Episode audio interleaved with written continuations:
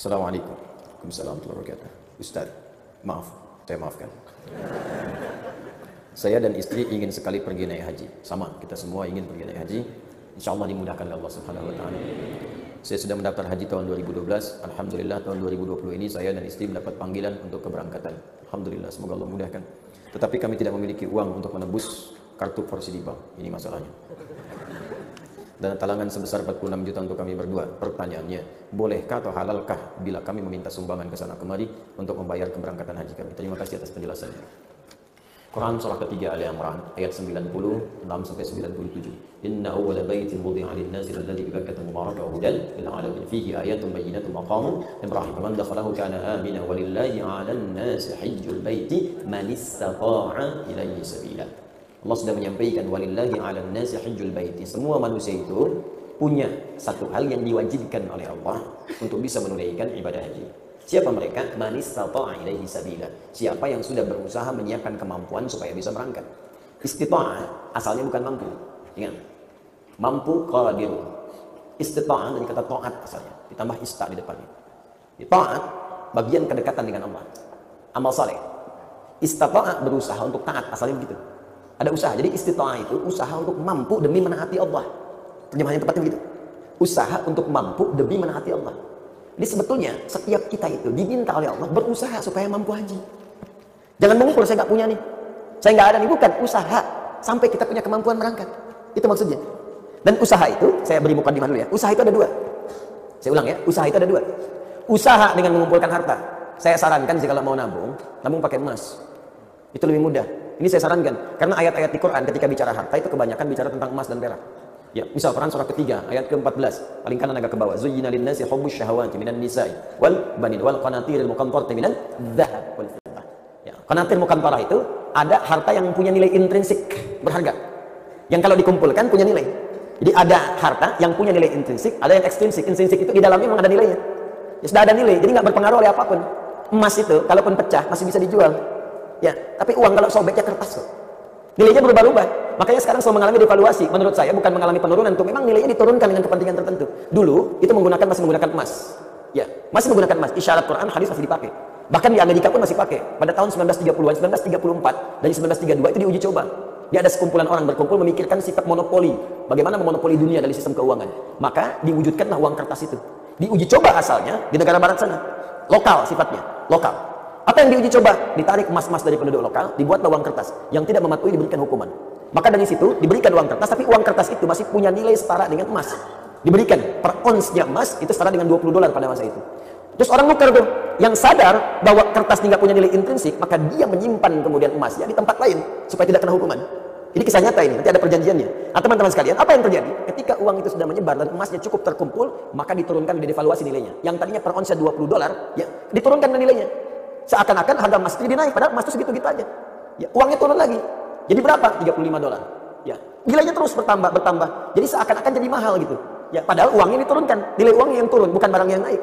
Apa yang terjadi ketika mereka melihat kemudian uh, kemudian jadi nilai itu berkurang, si emas itu kemudian punya nilai lagi, disetarakan lagi, akhirnya mereka borong lagi. Melihat uji cobanya berhasil, maka dipaksakan ke seluruh dunia. Maka dipaksa uang-uang mata uang yang kita gunakan untuk turun nilainya. Mata uang mereka naik.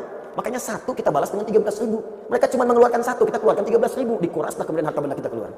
Paling gampang. Makanya nggak ada nilainya. Tempat lain ada yang 20 ribu. Satu, mereka ngasih satu, kita ngasih 20. Dan yang paling gampang itu kan kertas. Kertas kalau disobek, dihilangkan nilainya nggak ada nilai. Sudah pulaunya keluar, sudah hartanya keluar, sudah emasnya diambil ditukar dengan kertas. Mana ada kita nukar emas dengan kertas? Kertas gak ada nilainya, disobek udah hilang. Bagaimana sekarang kalau mereka hilangkan? Kami sudah tidak menggunakan sistem uang lagi. Sementara harta benda kita sudah pindah. Apa yang mau kita sesali kemudian nanti? Nah makanya ini ini bahasa ini ilmiah ya, ilmiah. Kalau mau diskusi silahkan. Ini ilmiah. Jadi kita diskusi. Nah, makanya dulu Bung Karno ketika membuat uang itu konsultasi pada ulama dan ulama mengusulkan tetap berikan nilai intrinsik di uang kertas itu setara dengan emas sekian ons misalnya. Ya sekian gram supaya ada nilainya. Kalau enggak itu jadi kertas. Itu sempat dipakai. Coba belajar sejarah yang baik. Cek lagi ke belakang. Dulu nilai uang kita itu ada setara dengan emasnya. Belakangan kemudian dihapuskan jadi kertas saja di situ. Makanya nilainya semakin melemah. Sebetulnya bukan uangnya yang lemah, bukan bendanya yang naik, uangnya yang dilemahkan. Kalau bendanya segitu-gitu aja, tempe kan gak berubah segitu-gitu juga. Cuma nilai uangnya dimelemah seakan-akan tempenya naik, padahal keratnya segitu aja. Akhirnya tempe pun disesuaikan dengan uang. Ya kan? 2000 tebal, 1000 tipis gitu kan. Ya, 500 udah tipis dibelah. Itu kan?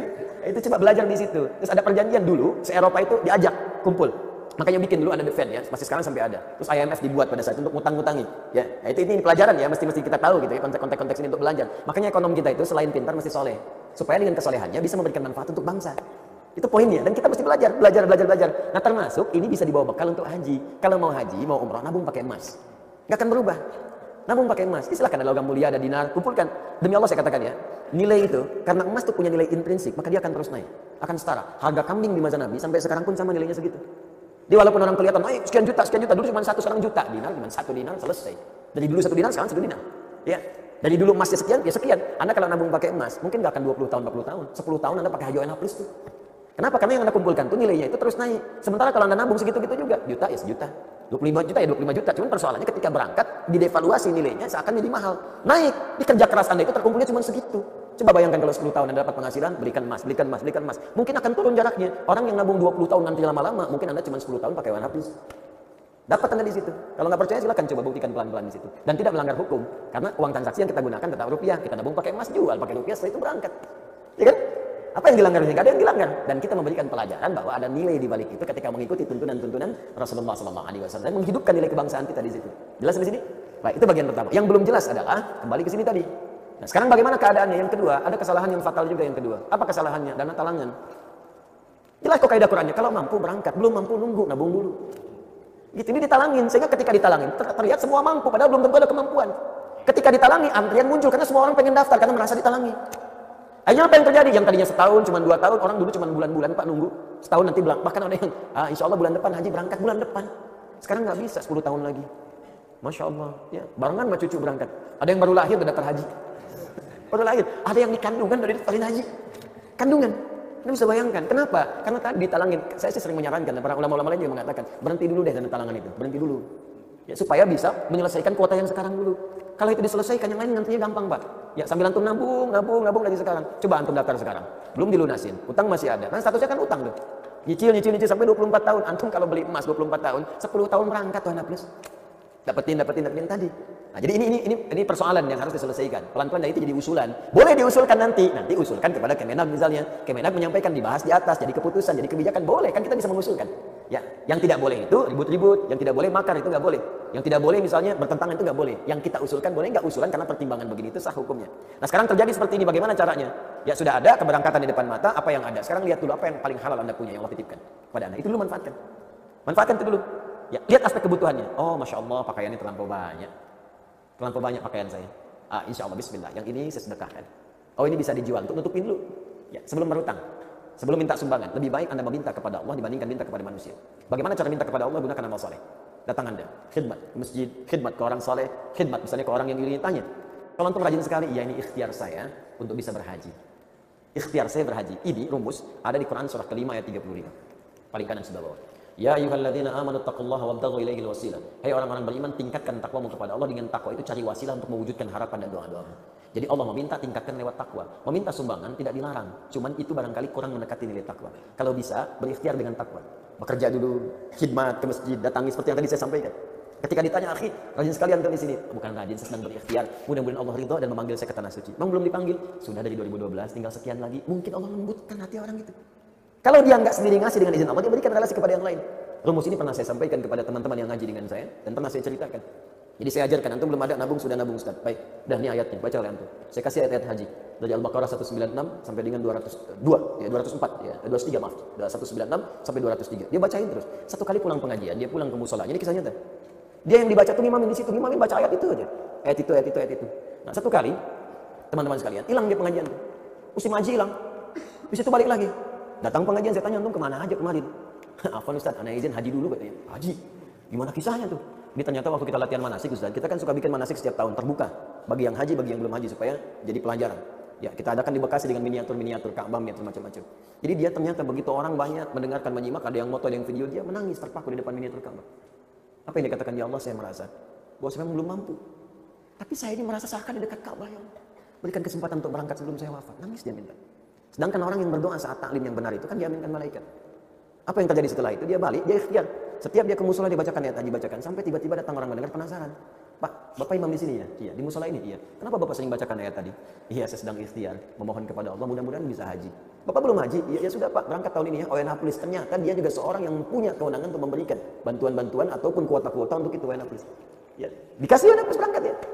Masya Allah. Jadi Allah tuh mudah melembutkan hati orang-orang beriman untuk memberikan cara dari sisi yang tidak diduga. Jadi ini masih ada waktu ikhtiar dengan cara yang tadi. Kalau tidak memungkinkan Anda bisa meminjam misalnya lebih baik. Dengan punya kemampuan untuk bisa mengembalikan. Ya berusaha berikhtiar. Minta kepada kawan misalnya bantuan. Mungkin saya bisa cicil, mungkin demikian. Dengan sisa yang bisa Anda dapatkan. Kalau semua tidak mungkin dilakukan boleh jadi Allah menyimpan hikmah di situ. Untuk hal yang lebih baik yang bisa Anda dapatkan di kemudian hari. Allah Ta'ala alam Ingat, Anda cari haji buat apa? Mabrur kan? Mabrur kan? Jalan birun itu banyak termasuk berinfak pada yang paling dicintai. Itulah yang dimaksud Quran surah ketiga ayat 92. Lan tanalul birra hatta tunfiqu mimma tuhibbun. Ada orang yang sudah mau haji, punya berangkat, punya bekal yang siap, dia keluar dari rumah, tiba-tiba dia mendengar, maaf, berita tetangganya datang minta bantuan sakit, biayanya persis sama seperti yang dia butuhkan, persis sama seperti yang dia kumpulkan untuk haji itu. Tanpa basa-basi dia berikan semuanya kembali ke rumah tanpa berucap sedikit pun kepada orang-orang di rumahnya tentang peristiwa itu. Dia nggak haji pada saat itu dia infakkan pada sesuatu yang sangat orang lain butuhkan. Maka apa yang terjadi setelah itu? Turunlah riwayat mengatakan hajinya, perhatikan kalimatnya, dia mabrur. Dia mabrur walaupun belum berangkat untuk berhaji. Bahkan dari riwayat yang menyebutkan kalaulah bukan perilaku orang ini seperti itu dia berinfak, tentulah belum tentu diterima orang-orang yang haji yang sekarang bertawaf di ya, atau berwukuf di Makkah Al-Mukarramah. Ini ungkapan, namanya mubalaghah. Maksudnya belum tentu diterima, bukan, bukan gak diterima, bukan. Maksudnya saking tingginya amalan orang ini sampai belum berangkat pun dia sudah mendapatkan mabrur si Allah Subhanahu wa taala. Maka turun ayat tadi lan tanalul birra hatta tunfiqu mimma tuhibbun. Jelas di sini? Allah taala dan bisawab.